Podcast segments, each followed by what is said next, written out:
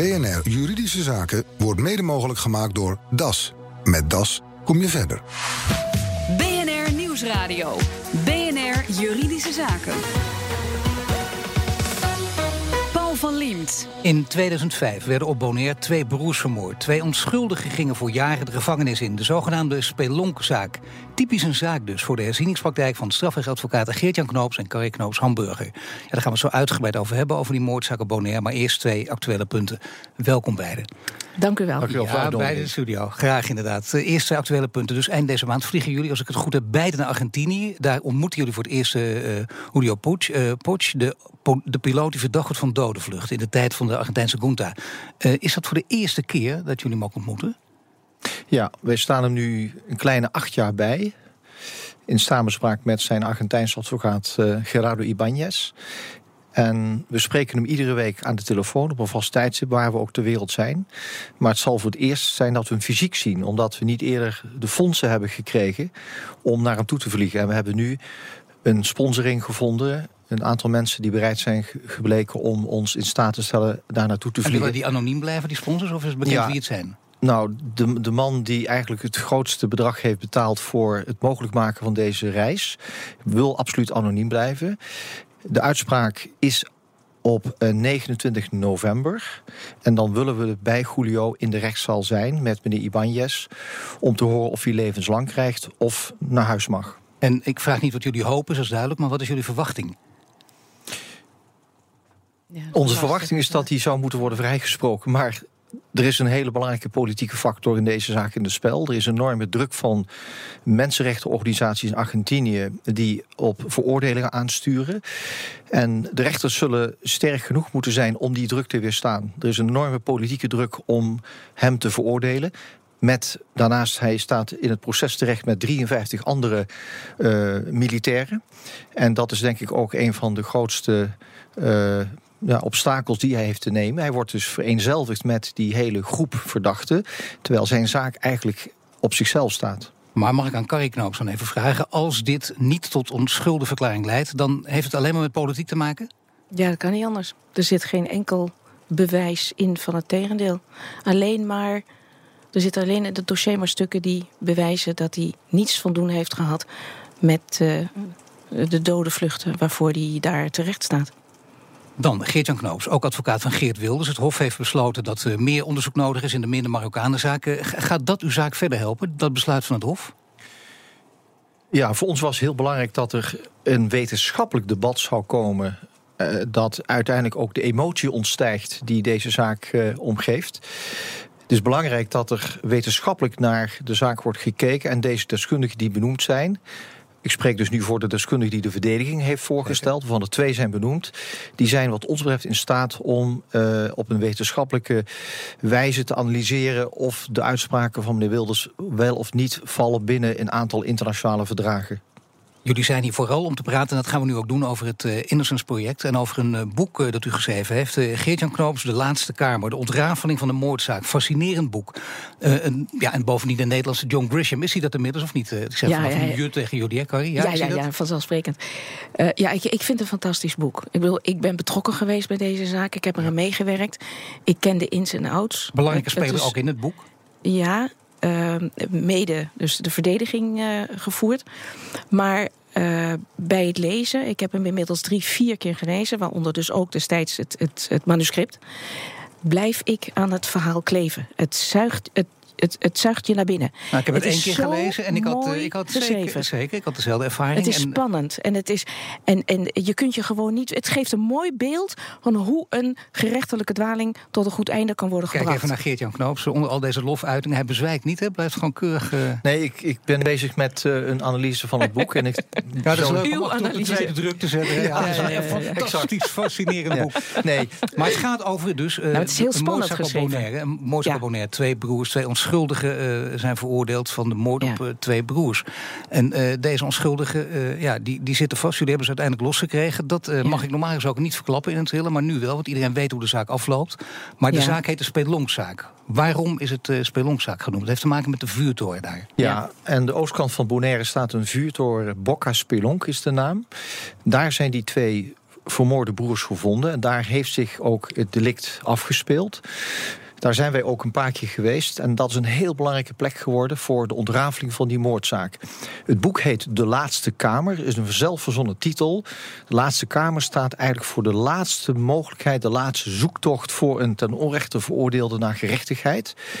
Dat is een, de laatste kamers betekent in wijze de, de, de laatste juridische instantie die er is voor een ten onrechte veroordeelde. En in het boek laten wij zien dat het een lange, moeizame weg is naar eerherstel. En het boek is eigenlijk bedoeld om het onderwerp dat wat ons betreft ondergeschoven is in Nederland bij de mensen thuis binnen te brengen, maar ook bij de politiek. Want het staat niet op de politieke agenda hoog genoteerd. Dit en wat is de belangrijkste reden dat het uh, heel, laten we zeggen, populair gezegd, uh, politiek niet sexy is? Inderdaad, het is een weinig uh, populair onderwerp, omdat je als je associeert met een dwaling, dan ga je ervan uit dat je dus zelf als systeem gefaald hebt. En de overheid wil daar natuurlijk niet mee worden geassocieerd. En daarnaast is het zo dat voor de mensen in de, onze samenleving het een eng onderwerp is. Veel mensen denken, ja, hij zegt nou wel dat hij onschuldig is. Maar is dat wel zo? Kijk nou naar Herman Dubois en Wilco Fiets, de twee jongens van Putten, die nog steeds met dat etiket rondlopen, de twee van Putten. En in een aantal gevallen ook nog worden aangesproken op de zaak. En verbonden worden aan die zaak. Het is dus heel moeilijk om van het stigma af te komen. En mensen willen dus niet gemakkelijk geassocieerd worden met het onderwerp. Nee, en, en, daarom is het zo belangrijk dat het boek zo makkelijk leest, zo spannend is. Want in wezen is een legal thriller een verzonnen verhaal. Dit is gebaseerd op waarheid. Maar het leest, je, leest, je leest het echt in een dag uit en het is zo ongelooflijk spannend beschreven. Maar het is ook belangrijk, en dat merk je ook in het boek. Uh, je hebt hier hulp bij nodig. Uh, gelukkig hebben jullie ook hulp van uh, mensen die, die jullie met, met raad en daad bij kunnen staan. Ook mensen van, van naam en faam die van alles kunnen.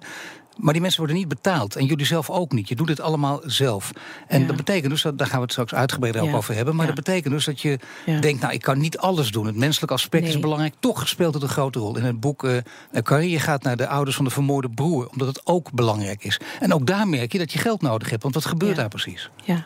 ja, klopt. Toen we eenmaal aan het einde van de zaak zijn gekomen. En de twee jongens die uh, veroordeeld waren geweest voor die dubbele moord vrijgesproken zijn.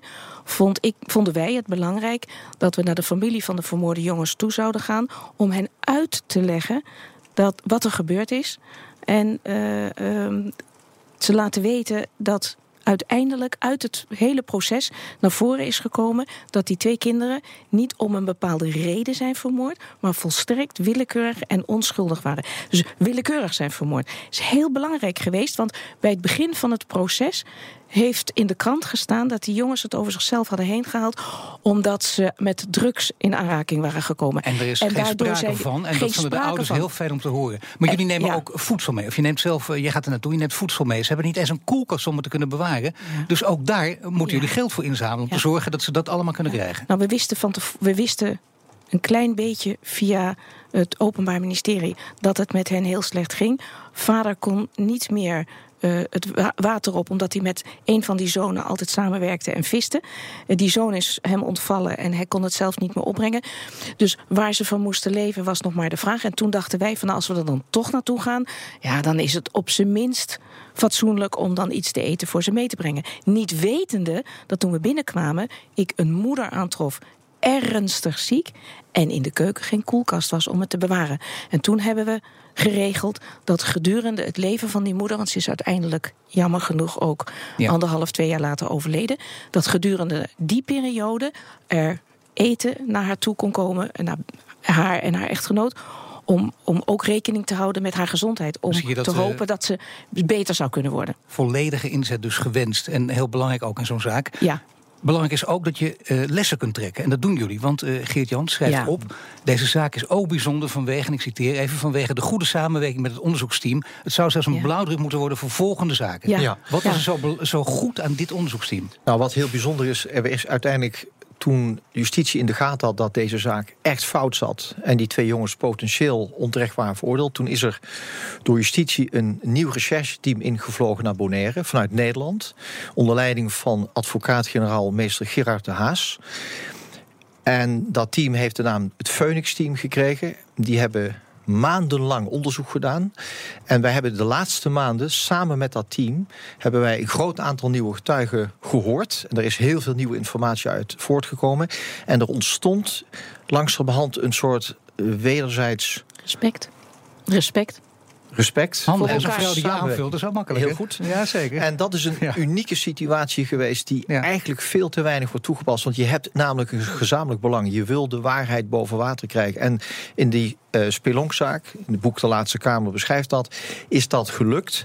En daarom zou, denk ik, dit boek ook belangrijk zijn voor justitie om te lezen. Omdat het aangeeft dat we niet tegenover elkaar moeten staan in dit soort zaken, maar samen moeten kijken naar de vraag: Nee, en, is dat het, en iemand dat het ook kan, en dat lijkt me een hele, Zeker. hele positieve aanbeveling. Maar eh, in het naboet schrijft eh, psycholoog eh, Lucio Ricardo...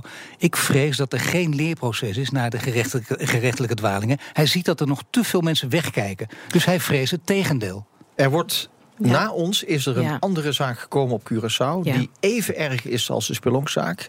Met andere hoofdrolspelers. Andere mensen bij het OM. Andere mensen in het Hof. En die dwaling is in stand gelaten. En dat is wat eh, Lucio ook bedoelt. Lucio is ook de man geweest die die zaak aanbracht bij ons project. En hij is daar fysiek wekenziek van geweest. Dat het Hof dit jaar die zaak niet heeft willen openen. Er is dus nog heel veel werk te verrichten op dit gebied. Dus daar waar we in de spe- Zometeen, advocatenpaar Echtpaar Knoop. Zij hoort het al, en ze willen gewoon doorgaan, maar dat mag nu nog even niet. Ze willen dat de spelonkzak onderdeel is van de erfenis... die ze graag in hun leven na willen laten. BNR Nieuwsradio. BNR Juridische Zaken. Het kost veel tijd en geld om de zaak van een onschuldig veroordeelde opnieuw voor de rechter te brengen. Hoog tijd dat de overheid daarvoor geld vrijmaakt. Dat vinden Carrie Knoops Hamburger en Geert-Jan Knoops. Eh Carrie, waarom is dat geld zo belangrijk voor deze zaken? Omdat in afgesloten zaken eh, er geen eh, eh, potje is bij de overheid, dus zeg maar bij de Raad voor Rechtsbijstand, om deskundigen te betalen. En om een gerechtelijke dwaling te kunnen blootleggen, heb je onafhankelijke deskundigen nodig die zeg maar de uitleg geven op grond waarvan je naar de Hoge Raad kunt gaan om te zeggen deze zaak had niet tot een veroordeling mogen Natuurlijk, maar in de wereld van de strafrechtadvocaten, dat zien we vaak eh, in beeld. Lopen toch vaak ook eh, glamourachtige types rond. En dan denk je, nou, die rijden in een Bentley, die hebben een mooi horloge om, die hebben geld genoeg. Misschien jullie ook, dus kun je makkelijk uit eigen zak betalen, of niet? Nou, het is niet gebruikelijk dat je zaken voor cliënt uit eigen zak betaalt. Maar als je heel erg rijk zou zijn, kan je dat, kan je dat doen. In ons geval gebruiken we alle eh overwaarden zeg maar, die we overhouden aan het einde van het jaar. om in dit soort zaken te steken. Dus eigenlijk financieren wij dit soort zaken. Deskundige kosten, dat zijn de externe kosten van buitenaf. Daar moet de cliënt wel zelf voor zorgen. Want anders dan zouden wij ook nog uit eigen zak die kosten moeten voldoen. Maar het moet wel zo onafhankelijk mogelijk zijn. Je kunt, je kunt dit niet, eh, je kunt het niet je een, kunt, een commercieel eh, eh, succes gaan maken. Dat doet er ook niet toe. Nee, Geert-Jan is hoogleraar en deskundig. Maar als hij het zegt, zegt hij het als advocaat. En een advocaat is partijdig. Dus je hebt onafhankelijke deskundigen nodig. Daar heb je, een, heb je geld voor nodig. Toch blijft na Desku- lezing van dit boek bijna onbegrijpelijk. Dat je denkt, het is zo belangrijk, het mag niet. Het oogpunt van, van rechtvaardigheid. Ik ben helemaal dat mee er eens. mensen, Alleen vandaar dat jullie met ook geld eh, je, kunnen je ziel en dat zaligheid inzetten. Ja. Eh, is er echt nergens iets te vinden? Eh, ik bedoel, de overheid, jullie hebben overal aangeklopt natuurlijk in de We afgelopen zijn, jaren. ik, ik ben zelfs uh, Carrie ook. We zijn bij de eh, vorige ministers geweest. We zijn bij de staatssecretaris van Justitie toen nog meneer Teven geweest met dit verhaal. Iedereen kijkt je met interesse Kamerleden aan. erover gesproken. Maar niemand beweegt. En dat is, men zegt, het systeem functioneert al goed genoeg. Er is al een herzieningsregeling die functioneert goed genoeg. En daarnaast, men wil daar gewoon geen geld in steken. Voor de duidelijkheid, die herzieningsregeling functioneert niet goed genoeg. Nee, vinden van niet en dat bewijzen jullie Nee. ook keer op Ja. keer. die functioneert in ieder geval binnen het Koninkrijk ook al om die reden niet. Dat er dus een verschil is als je de het boek leest, de Laatste Kamer. Dan zie je dus dat er een dat iemand die daar een heropening wil, op een hele andere wijze dat moet doen dan in Nederland. Dus er is ook rechtsongelijkheid binnen het Koninkrijk. Maar daarnaast, wat we zojuist al zeiden, voor de politiek is dit niet een populistisch onderwerp. Nou is een is, nou, is, nou is dit, eh, nu is dit project afhankelijk van eh, welwillendheid hè, van eh, mensen van naam en faam. Wat ik al eerder in deze uitzending zei. Ja. Bijvoorbeeld dus forensisch expert op ten Hoven. Ja. Je belt hem, je- Ja. hij zit in je kennisnetwerk, hij heeft waardering voor je. En daarom zegt hij, ik wil graag met jullie meedoen. En je schrijft ook letterlijk op, het is een man die, van wie het leven niet in het teken staat van alleen maar geld verdienen. Hij Klopt. vindt dit ook belangrijk. Je zou bijna zeggen, er zijn in deze tijd toch wel meer van deze mensen te bedenken. Nou, gelukkig zijn er een heleboel mensen die bereid zijn om iets voor een ander over te hebben zonder daar zelf iets voor terug te krijgen. En dat is heel bijzonder. En dat maakt het samenwerken met hen ook zo bijzonder. En waarderen we ook enorm. Maar jullie zijn aangesloten bij het Innocence Project. Een, Ja, een internationaal, Internationaal project. Een ja. aantal jaar geleden begonnen. Je zou bijna denken, kijk eens naar andere landen eh, waar het misschien beter kan. geregeld. Ja. Want in de- Amerika is het beter Ja, geregeld. maar is groter, veel meer rijke mensen die zich kennelijk meer doordrongen zijn van het feit dat hier geholpen moet worden. En de fondsen van de, van, van de Amerikaanse Innocence Projects, die hebben. Dat, dat, daar zit veel geld in. In Nederland krijgen we het niet voor elkaar. Is er een ander Europees land, Iedereen eh, zegt tegen ons wat geweldig dat je het doet. En ja, dan, waarom helpen mensen niet? En als je ze dan aanspreekt op, nou misschien dat jij het wil doen, dan blijven ze, blijven ze weg. En ook als je ze op Amerika aanspreekt. Want je kunt zeggen, kijk, eh, kijk in Amerika Ja. gebeurt het wel. Daar kun je van leren. Ga Ja. dus met ze praten. Dat hebben jullie Ja. ook gedaan. Jullie zijn in Amerika Daar geweest. zijn ook veel meer mensen geëxonereerd. Het is en, en, en, vrijgesproken. en in andere Europese landen gebeurt dit. Dat is nog erger. Nee. Daar, dan zijn wij nog zeg maar vooruitstrevend. Eh, we hebben twee weken geleden in Rome met eh, Italiaanse collega's, hoogleraren. en de Amerikanen die ons eh, geassisteerd hebben, omdat ze ver voorlopen op wat er in Europa gebeurt. hebben we een Europees Innocence Network opgezet. In de hoop dat we daarmee ook andere advocaten in andere landen kunnen stimuleren. om ook projecten op te zetten in eigen landen. Want bedoel, is, bijvoorbeeld in Polen kun je geen gerechtelijke dwaling aankaarten. Er is geen Innocence Project.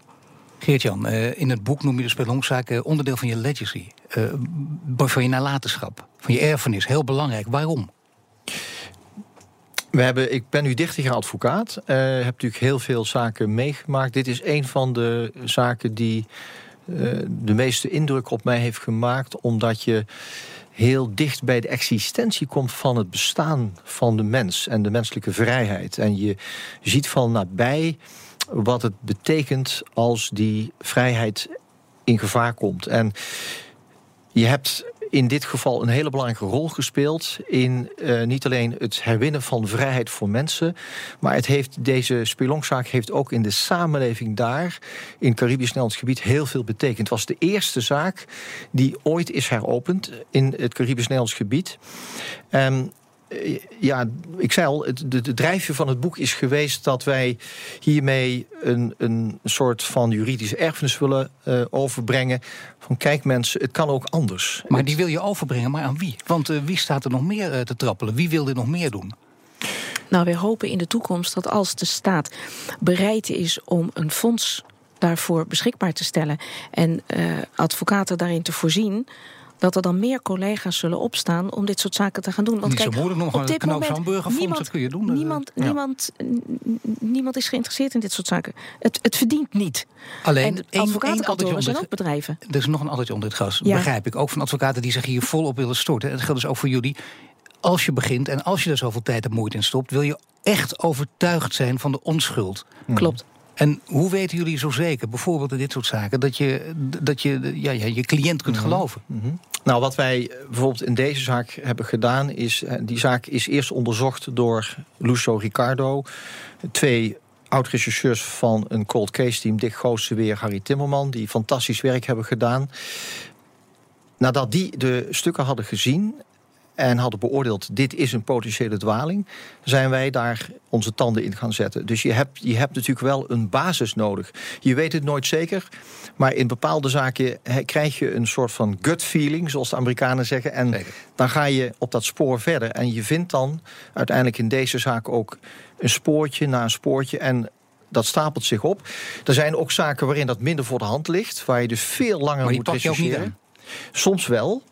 Maar we moeten wel een, er moet wel een beginpunt zijn. En het is natuurlijk gevaarlijk om op je gevoel af te gaan. En daarom doen we dat ook in teamverband met deskundigen. En gaan we niet over één nacht ijs.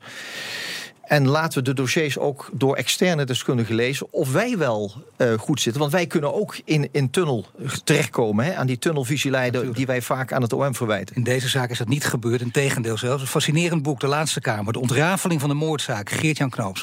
Ik dank jullie, Geert-Jan Knoops en Carré Knoops, Hamburger.